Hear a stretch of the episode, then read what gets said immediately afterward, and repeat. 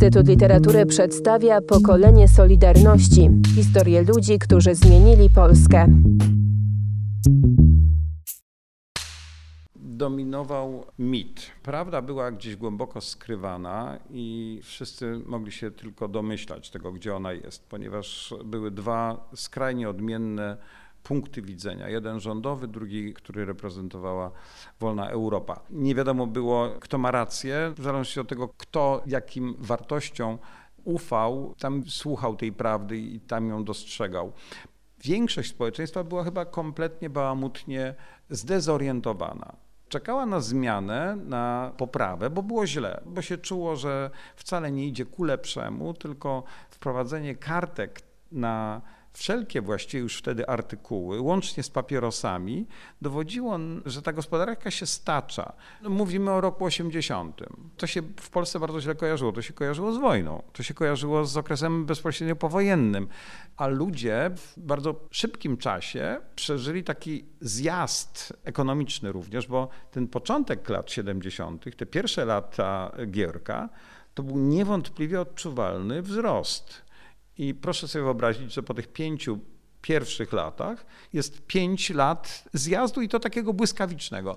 Poza tym dorasta nowe pokolenie ludzi, którzy byli już na zachodzie, którzy widzieli, którzy rozumieją, dlaczego tutaj się nie udaje, a tam się udaje. Każdy ma swoje kalkulacje co do tego. No wiadomo, że to głównie inteligencja, że to głównie studenci, że to głównie absolwenci szkół, ale ci ludzie są rozłożeni w kraju dość demokratycznie, bardziej niż dzisiaj. To znaczy, że prowincja też była wypełniona osobami, które miały kontakt z zewnętrzem, z tym, co poza granicami Polski.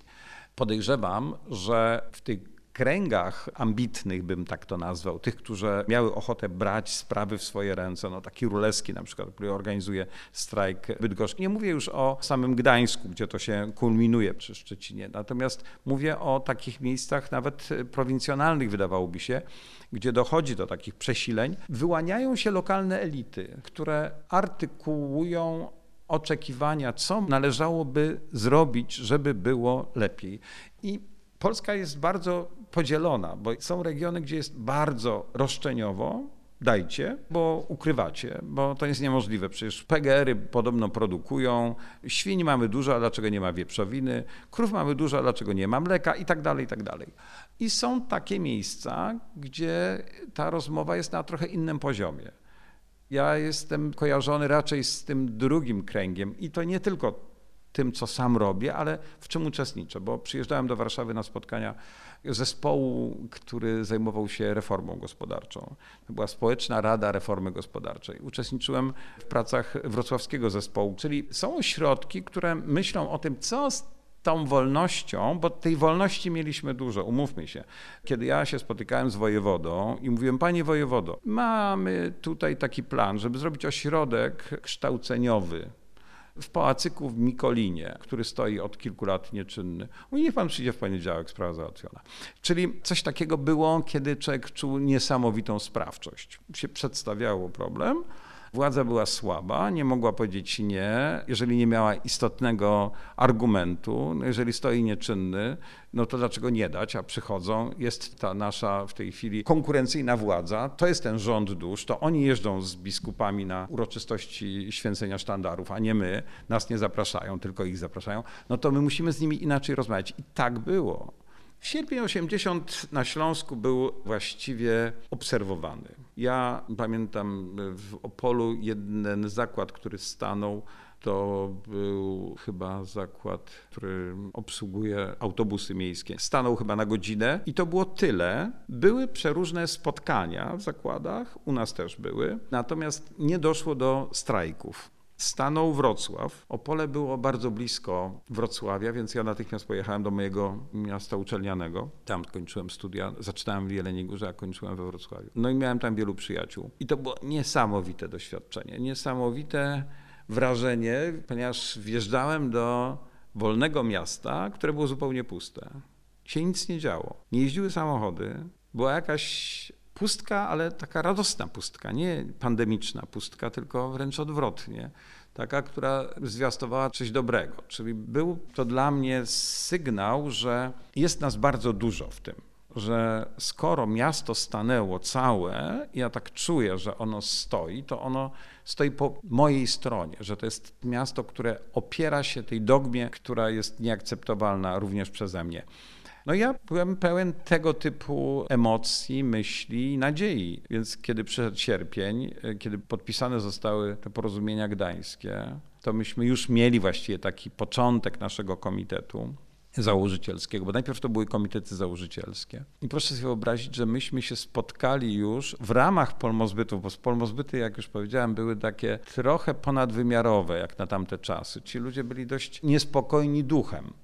Bardzo szybko się dogadaliśmy i pojechaliśmy do Gdańska, żeby się spotkać z Wałęsą, żeby zobaczyć tego czeka z wielkim długopisem, żeby z nim pogadać i żeby mieć osobiste doświadczenie tego, co widzieliśmy na ekranie, potwierdzenie albo zweryfikowanie przynajmniej pewnego sądu nieugruntowanego. Ja naprawdę nie wiedziałem, co o tym myśleć. Nie byłem przekonany. Nie wiedziałem, dlaczego Wałęsa, skoro tam jest tylu doradców, dlaczego on akurat się tam znalazł w tym miejscu. Ja pamiętam, miałem taką wątpliwość, czy on jest wystawiony, czy on jest produktem. Chciałem go spotkać, dotknąć. To było moje ogromne wyzwanie czasu. I pamiętam, jeszcze spotkałem Wałęsę, kiedy występował w tej samej elastycznej koszulce. Przegadałem z nim całą noc, muszę powiedzieć. To było niezwykłe. I wróciłem do Opola i wszyscy tam zbiegli się, żeby posłuchać, cóż my to przywozimy. Pojechałem z kolegą Bogdanem Szewczykiem do tego Gdańska. Wróciliśmy. No powiedzieliśmy, że Wałęsa to jest fajny gość, że można mu ufać. To było bardzo ważne. To było bardzo ważne doświadczenie. Pamiętam, że Wałęsa zrobił na mnie wrażenie człowieka jeszcze bardzo nieświadomego roli, w jaką wchodzi. Pamiętam doskonale, jak mu zadałem pytanie, no słuchaj, głosisz, że nie możesz się oderwać od klasy robotniczej, bo on używał takiego określenia, że on musi być cały czas blisko klasy robotniczej. W związku z tym on będzie przewodniczącym Solidarności, ale dwa dni w tygodniu będzie musiał pracować jako robotnik proszę sobie wyobrazić, jak głęboko byliśmy przesiągnięci dogmą tamtych czasów. Robotnik to jest ten, który nie może się oderwać od warsztatu pracy, bo ten warsztat pracy jest jego ołtarzem i on tam otrzymuje główne źródła mocy. To jest jego warsztat pracy.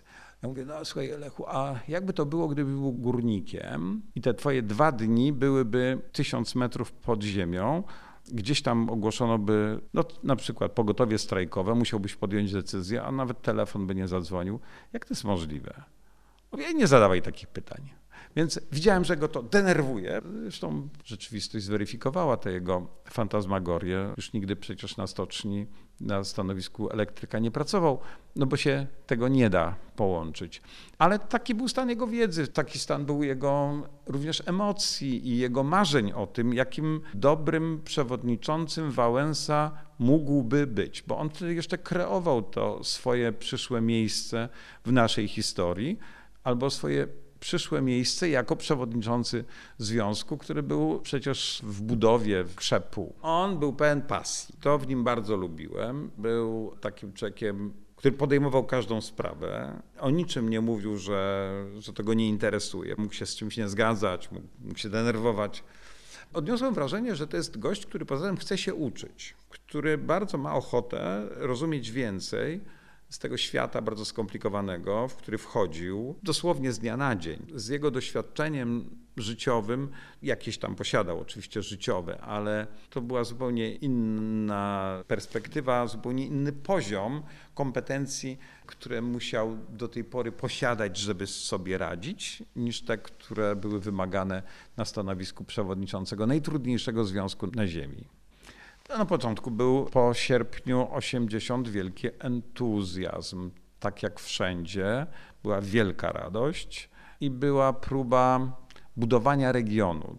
To jest chyba zupełnie nieznana sprawa tamtych czasów, ale Polska w czasach komunistycznych albo tych czasach poprzedniego reżimu była rządzona z Warszawy w sposób bardzo autorytarny, to znaczy lokalne społeczności nie bardzo mogły zabierać głos, nie mogły mieć wpływu na dzianie się spraw.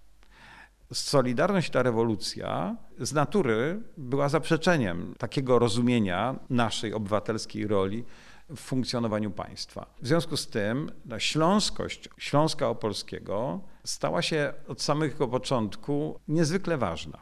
I proszę sobie wyobrazić, Śląsk Opolski był tak rozumiany wtedy jako region, który miał swoje województwo na szczęście, ale to województwo składało się z powiatów, albo wtedy już z gmin, które były autochtońskie, czyli śląskie, i te, które były złożone z przyjezdnych, czyli repatrianckie. Nysa, Kluczbork, Namysłów, czyli cały zachód Opolszczyzny, to były te powiaty czy gminy napływowe, a wschód, ta część województwa, która bliższa jest województwu katowickiemu, to była rodzima śląska część. I na samym początku powstało na Opolszczyźnie pięć MKZ-ów, czyli Międzyzakładowych Komitetów Założycielskich Solidarności. Kluczbork, Nysa, Brzeg, Kędzierzyn-Koźle, nawet Prudnik, Opole, może nawet było ich więcej. Nawet jeszcze takie mniejsze miejsca jak Głuchołazy też tworzyły swoje MKZ-y, ale nie po to, żeby zawsze być tymi centralami związkowymi, tylko na czas tworzenia się związku. Jedne z nich decydowały się na to, żeby tworzyć wspólny region Solidarności, bo Solidarność trzeba sobie przypomnieć, że miała charakter terytorialny, regionalny, a nie branżowy. To nie były związki branżowe. Związki stare, z którymi konkurowaliśmy, miały charakter branżowy, a my byliśmy tymi, którzy ogarniali wszystkich, którzy zajmowali jakąś tam przestrzeń, czyli województwo. I tak to już potem na zjeździe zostało zadekretowane, że związek składa się z regionów i makroregionów, czyli może pokrywać teren z jednego województwa albo kilku województw. I makroregiony takie jak Śląski, Dolnośląski, Mazowiecki to były właśnie te, które obejmowały kilka województw. No i były takie jak opolskie, które obejmowały jedno województwo. Myśmy do samego końca, jako jedyni w Polsce, nie byli w stanie przekonać Nysy do tego, żeby włączyła się do naszego regionu i jak to Karol Modzelewski na zjeździe określił, mieliśmy jeden region wyspowy, który się nazywał Nysa. Niewielu tam chyba członków Solidarności należało, ale mieli tam charyzmatycznego, już teraz świętej pamięci przywódcę Janusza Sanockiego, który absolutnie nie chciał się podporządkować centralności Opola na Opolszczyźnie. No więc tak się stało. To był jeden z większych dylematów, więc dużo czasu spędzaliśmy na to, żeby rozmawiać w różnych miejscach z różnymi osobami. Do tego bardzo był, to trzeba powiedzieć głośno, przydatny Kościół. To znaczy sprzyjał temu, żeby te rozmowy kończyły się jakimiś pozytywnymi efektami, żebyśmy się umieli dogadywać, bo to dogadywanie się na poziomie zakładu dość szybko okazywało się, że jest możliwe. Na poziomie trochę ponadzakładowym trudniejsze, a na poziomie krajowym to było straszne. Ta umiejętność rozmowy, stawiania spraw, ujednolicanie stanowisk, podejmowanie decyzji, uwspólnianie tych decyzji, to wtedy dopiero przekonaliśmy się, jak mamy dużo w tej materii do zrobienia. Zresztą do dzisiaj też mamy wiele do zrobienia. Pokolenie Solidarności. Cykl podcastów przygotowanych przez Instytut Literatury w Krakowie.